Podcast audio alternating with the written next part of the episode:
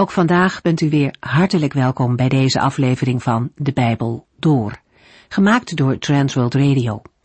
Voor meer informatie kijkt u dan op onze website transworldradio.nl. In deze serie gaat u in vijf jaar tijd met ons de Bijbel door, van Genesis 1 tot en met het laatste vers in Openbaring 22. Welkom weer vandaag bij deze serie over de Hebreeënbrief. De schrijver heeft in hoofdstuk 6 ernstige woorden gesproken voor degenen die willens en wetens afkerig zijn van God. Voor hen die eens deel hadden aan de Heilige Geest, maar die afvallig geworden zijn, is er geen tweede kans. Daar kun je van schrikken. Maar dan haast de schrijver zich om zijn lezers ervan te overtuigen dat zij niet tot die groep behoren. Hij heeft niet de gelovigen, die natuurlijk ook wel zondigen, op het oog. Hij is ervan overtuigd dat zij gered zullen worden. Hij spreekt hen hier ook aan als geliefden, de enige keer in de hele brief. Zij zijn geliefde kinderen van God en mogen vertrouwen op zijn belofte dat zij gered zijn door genade.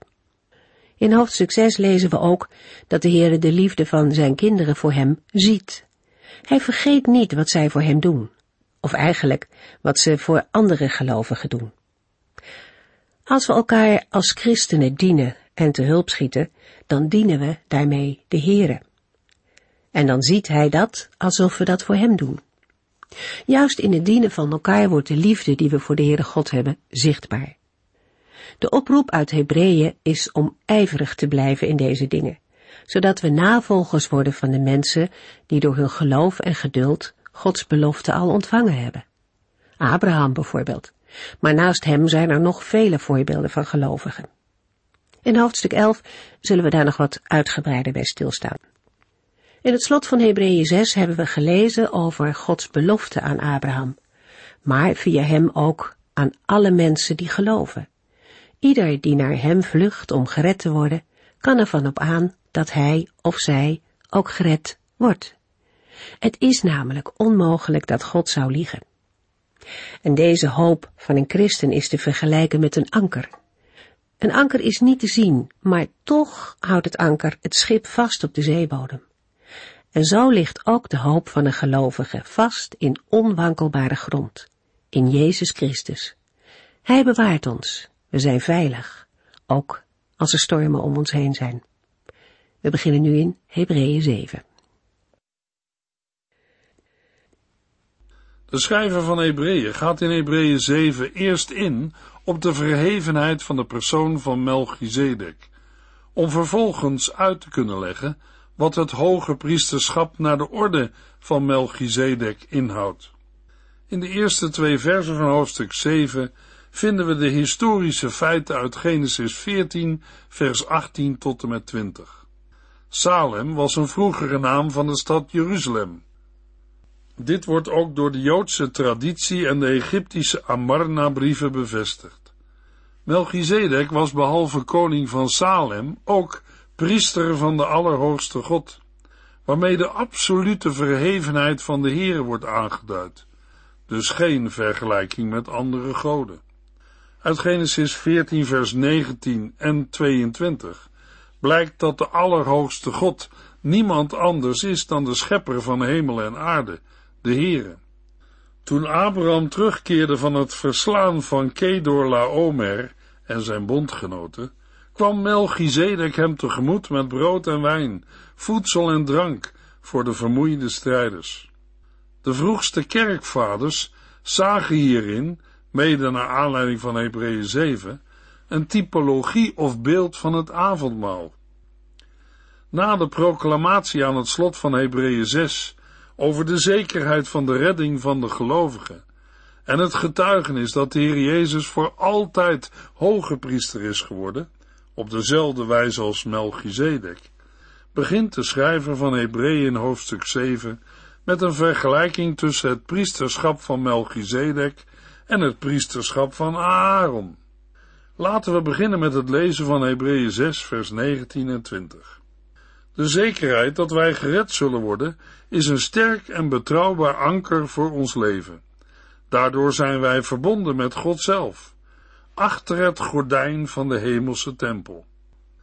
Jezus is daar voor ons binnengegaan om voor ons te pleiten. Hij is voor altijd hoge priester geworden, op dezelfde wijze als Melchizedek. De christelijke hoop in vers 19, de persoonlijke geloofsverwachting, wordt gesymboliseerd door een anker. De hoop van de gelovigen ligt stevig verankerd in de zeebodem, in een onwankelbaar fundament, namelijk Jezus Christus. In de tweede helft van het vers gaat het over het beeld dat berust op de oud-testamentische eredienst. Het gordijn tussen het heilige en het heilige der heiligen in de tabernakel en later in de tempel. De beeldspraak is ontleend aan de gebruiken en handelingen die één keer per jaar plaatsvonden op Grote Verzoendag. Zoals de hoge priester op Grote Verzoendag ieder jaar binnenging in het heilige der heiligen, achter het gordijn of voorhangsel, zo mag de gelovige steeds zijn hoop blijven vestigen op Jezus Christus, die eens en voor altijd het ware heilige der heiligen, de hemel, is binnengegaan, om voor ons te pleiten. Zo is de Heer Jezus Christus voor altijd hoge priester geworden, op dezelfde wijze als Melchizedek. En juist dit laatste gaat de schrijver van Hebreeën nu verder toelichten en onderbouwen. Hebreeën 7 vers 1 Deze Melchizedek was koning van Salem en priester van de Allerhoogste God. Toen Abraham na de overwinning op vele koningen naar huis terugkeerde, ontmoet hij Melchizedek en werd hij door hem gezegend. De informatie over Melchizedek heeft de schrijver onder andere ontleend aan Genesis 14. De versen 1 tot en met 16 van Genesis 14 laten ons Abraham van een heel andere kant zien dan wij hem ons meestal voorstellen. In Genesis 14 ontmoeten wij Abraham als strijdbaar en aanvoerder van een leger van 318 man. Maar ook als een man die niet tegen onrecht kan en niet kan aanzien dat een deel van zijn familie moet lijden, omdat zij gevangen zijn genomen en alles kwijt zijn. In de aanleiding en de voorgeschiedenis, die wordt weergegeven in Genesis 14 vers 1 tot en met 17, heeft Kedor Laomer van Elam de leiding. In Genesis 14 vers 8 tot en met 13 lezen we, Toen trok het leger van de koningen van Sodom, Gomorra, Atma, Seboim en Bela, of Zoar, naar het dal Siddim, en bond daar de strijd aan met het leger van Kedor Laomer en zijn bondgenoten. Vijf koningen tegen vier. De vijf delfden het onderspit. Ze sloegen op de vlucht en enkele kwamen om in de asfaltputten die overal in het dal verspreid lagen. De overlevenden vluchtten de berg in. De overwinnaars plunderden Sodom en Gomorra en namen alle waardevolle dingen mee. Ook Abrahams neef Lot, die in Sodom woonde, werd met al zijn bezittingen meegenomen. Een vluchteling vertelde dit aan Abraham de Hebreeër, die woonde bij de eikenbossen van de Amoriet Mamre. Mamre's broers, Eskol en Aner, waren bondgenoten van Abraham. Toen Abraham hoorde dat Lot ook gevangen was genomen, riep hij al zijn mannen bijeen, 318 in totaal, en ging achter het terugtrekkende leger aan dat ondertussen bij Dan was aangekomen. Die nacht verdeelde Abraham zijn legertje in groepen en sloeg de vijand uiteen. Hij achtervolgde de vluchtende tot Goba, dat ten noorden van Damascus ligt. Zo heroverde Abraham alles, de hele buit, zijn neef Lot en al Lots bezittingen, de vrouwen en de andere gevangenen. Over de historische achtergronden van de genoemde koning in Genesis 14 zijn we bij de bespreking van het Bijbelboek Genesis al ingegaan. Interessant is mogelijk de opmerking in Genesis 14 vers 10 over de asfaltputten die overal in het dal verspreid lagen. Bitumen, pek of asfalt wordt gevormd op de bodem van de Dode Zee.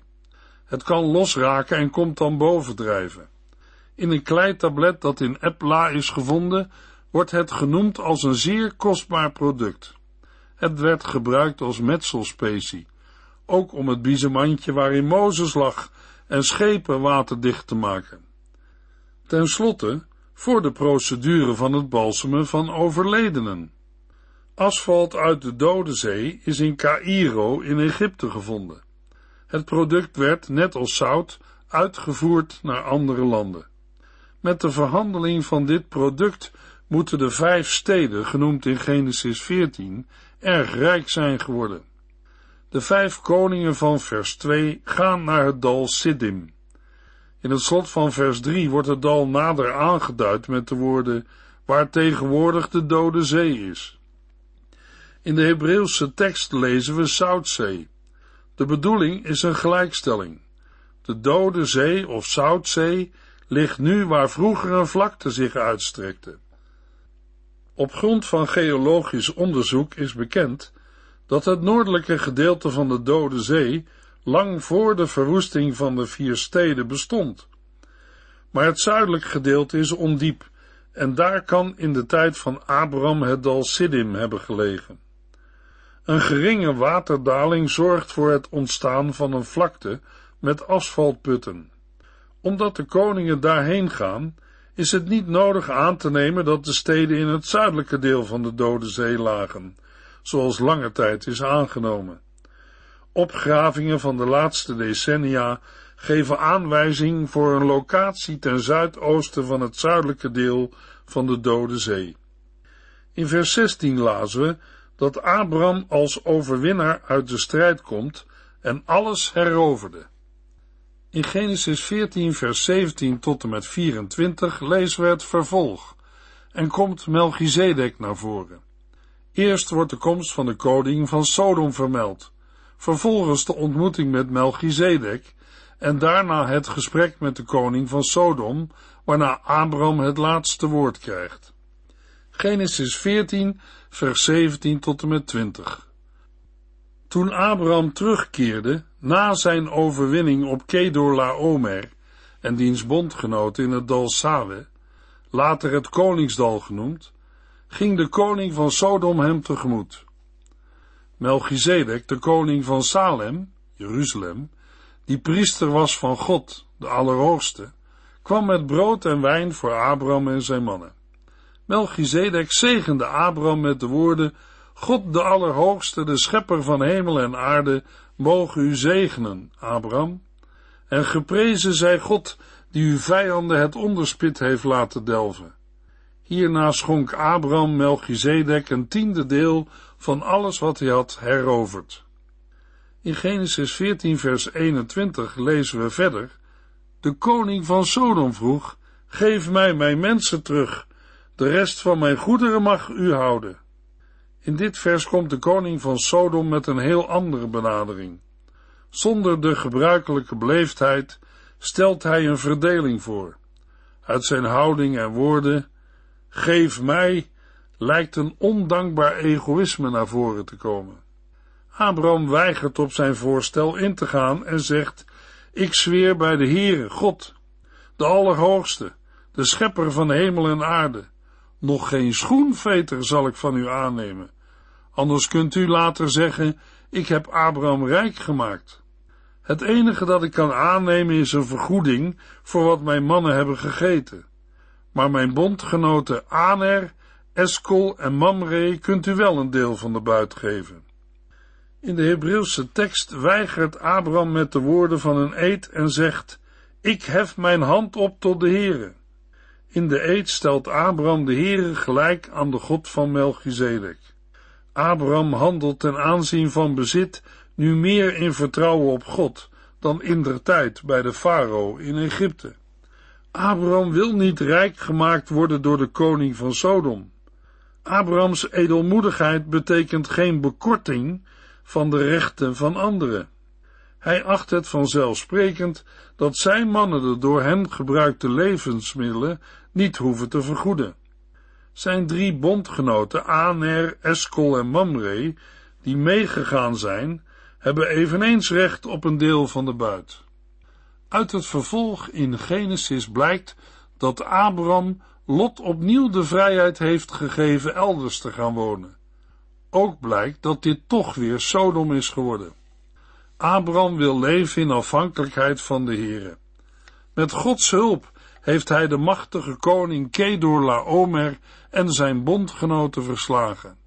Hij neemt het land Canaan niet in bezit als oorlogsbuit, maar wacht met vertrouwen op de tijd die de Heere bepaalt. De zegen van Melchizedek zal Abraham hebben gesterkt, bemoedigd en geholpen. Hij is vanuit het geloof blijven vertrouwen op de belofte van de Heere. In Hebreeën 11 vers 10 lezen we, Abraham vertrouwde erop dat God hem zou brengen in de stad met de vaste fundering, waarvan God zelf de architect en bouwer is. Hebreeën 7 vers 2 Daarop gaf Abraham een tiende deel van alles wat hij in de strijd had buitgemaakt aan Melchizedek. De naam Melchizedek betekent koning van de gerechtigheid. Hij is ook koning van de vrede, want Salem betekent vrede. De versen 1 tot en met 3 van Hebreeën 7 vormen één lange zin, waarvan het hoofdwerkwoord is, hij blijft. Het gedeelte omvat ook een aantal bijzinnen. Uit het feit dat Abraham aan Melchizedek een tiende heeft gegeven, trekt de schrijver een aantal conclusies over de belangrijkheid van Melchizedek.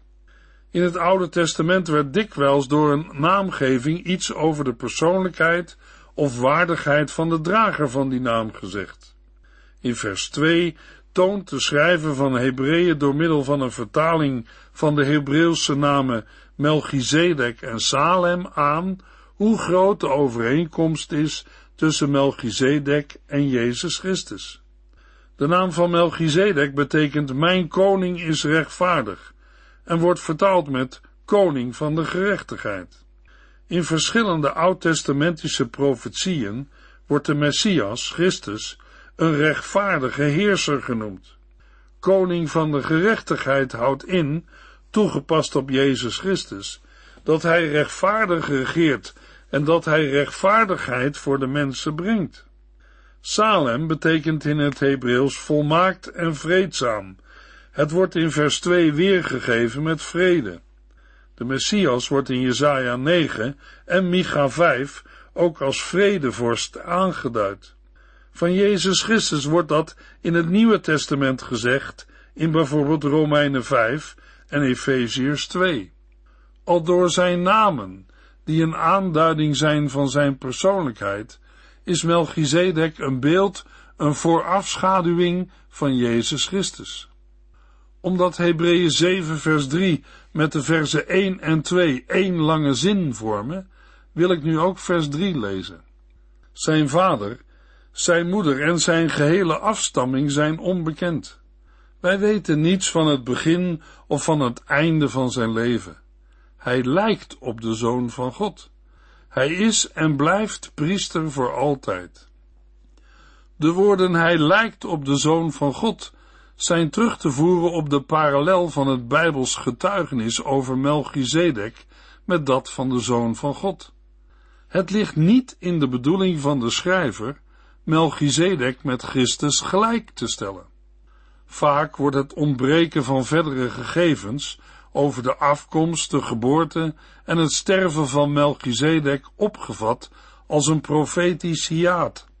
Zonder vader, zonder moeder, hoeft dan niet in te houden dat de schrijver van Hebreeën geloofde in een bovennatuurlijke afkomst van Melchizedek. Zonder afstamming of geslachtsregister betekent in dat geval niet dat Melchizedek niet was geboren of geen nakomelingen had maar alleen dat er geen register van afstamming wordt vermeld. Maar er zijn nadelen aan deze verklaring. Het is ook mogelijk de oplossing in een andere richting te zoeken. In de oudheid kon men op twee manieren een ambt ontvangen.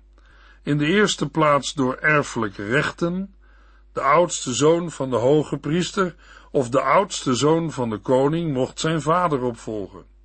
De tweede manier is dat een koning een ander aanstelde. Een koning die zelf geen kinderen had, kon een ander tot opvolger benoemen. In de zogenaamde Armana-brieven zijn een paar brieven bewaard van een koning uit Jeruzalem. Het betreft hier koning Abdu Heba, regerend over Jeruzalem rond 1400 voor Christus. Deze koning was vazal van de farao van Egypte en als zodanig had hij recht op bescherming. Hij vroeg herhaaldelijk om militaire bijstand. Zijn verzoek onderbouwt hij als volgt.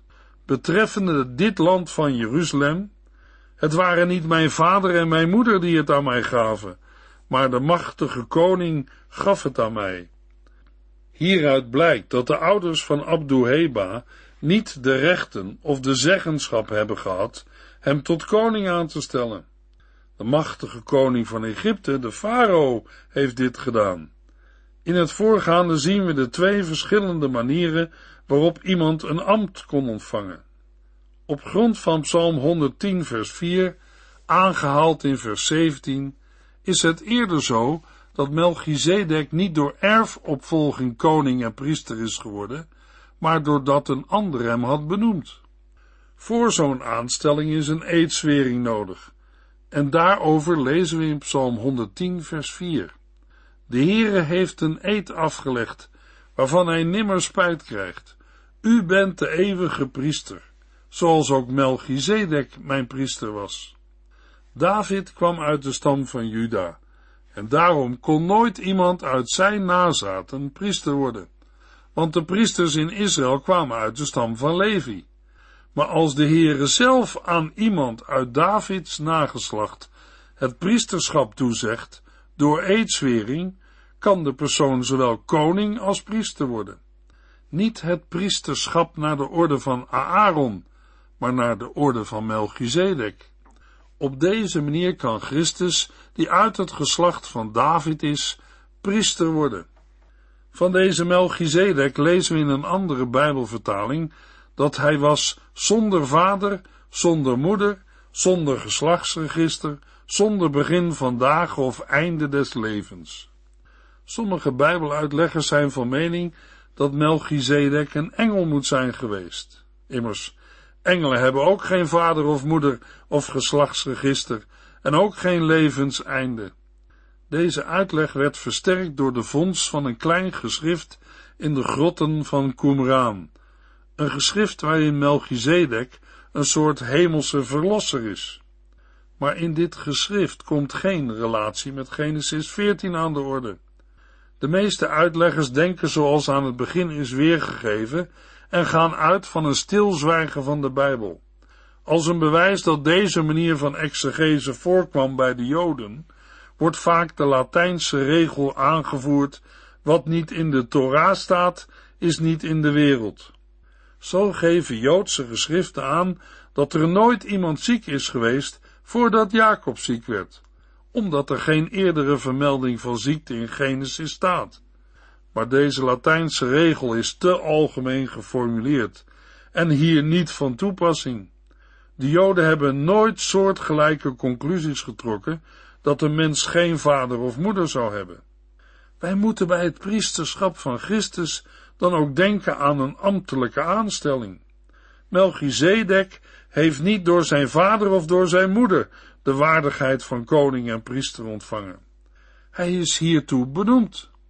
Als een niet-Jood via de proselietendoop werd opgenomen in de Joodse gemeenschap, zeiden de rabbijnen, een heiden heeft geen vader. Zij gaven daarmee aan dat hij geen vader heeft, waarmee in het Joodse recht rekening gehouden moet worden. Op deze wijze had Melchizedek geen vader of moeder door wie hij recht had op de troon en op het altaar. Zo kon Christus uit de stam van Juda geen rechten laten gelden op het priesterschap van Aaron. Als Melchizedek het ambt niet door erfopvolging heeft gekregen, was de dood van een ander niet de voorwaarde om zelf het priesterschap uit te oefenen. We kunnen stellen dat Melchizedek geen erfelijke rechten had, niet in afstamming en ook niet in overdracht naar de volgende generatie. In dat opzicht blijft Melchizedek voor altijd priester en koning. In dat ambtelijke opzicht heeft hij geen levensbegin en geen levenseinde. Als mens is hij geboren en gestorven. Als priester en koning heeft hij zijn taak vervuld, zonder dat de dood daarbij een rol speelde. Dat zal een reden zijn geweest waarom Melchizedek gekozen is en niet Jethro, de schoonvader van Mozes. Van Jethro is ook geen geslachtregister, levensbegin of levenseinde bekend. Vanuit het bovenstaande wordt de opbouw van Hebreeën 7 helder. In de eerste versen worden de bekende gegevens uit Genesis 14 vermeld en de namen Melchizedek en Salem verklaard. Maar er is wel een toevoeging, namelijk zonder vader, zonder moeder enzovoort. Waar komt deze toevoeging vandaan? In Psalm 110 vers 4 is gesproken over de orde van Melchizedek, waarmee aangegeven wordt dat hij priester is geworden door installatie en niet door erfopvolging, dus niet door zijn vader of moeder. Dit betekent dat Hebreeën 7 vers 3 geen nieuwe informatie bevat en geen exegese is die uit het stilzwijgen van de Bijbel in Genesis 14 voortkomt, maar een verduidelijking van dat wat in Psalm 110 al is vermeld. Als zo de oud-testamentische gegevens gememoreerd zijn in Hebreeën 7 vers 1 tot en met 3, gaat de schrijver van Hebreeën vervolgens aantonen dat Melchizedek meer is dan Aaron. Opvallend is trouwens dat in Hebreeën 7 uitsluitend gesproken wordt over het priesterschap van Christus, niet over zijn koningschap. Dat bevestigt de uitleg dat de verklaring van de orde van Melchizedek niet gezocht moet worden in de richting van een combinatie van beide ambten, maar in iets dat specifiek dit priesterschap betreft. Daarbij hoort de conclusie in Hebreeën 7 vers 11 tot en met 28 dat er verandering van wetgeving moet zijn.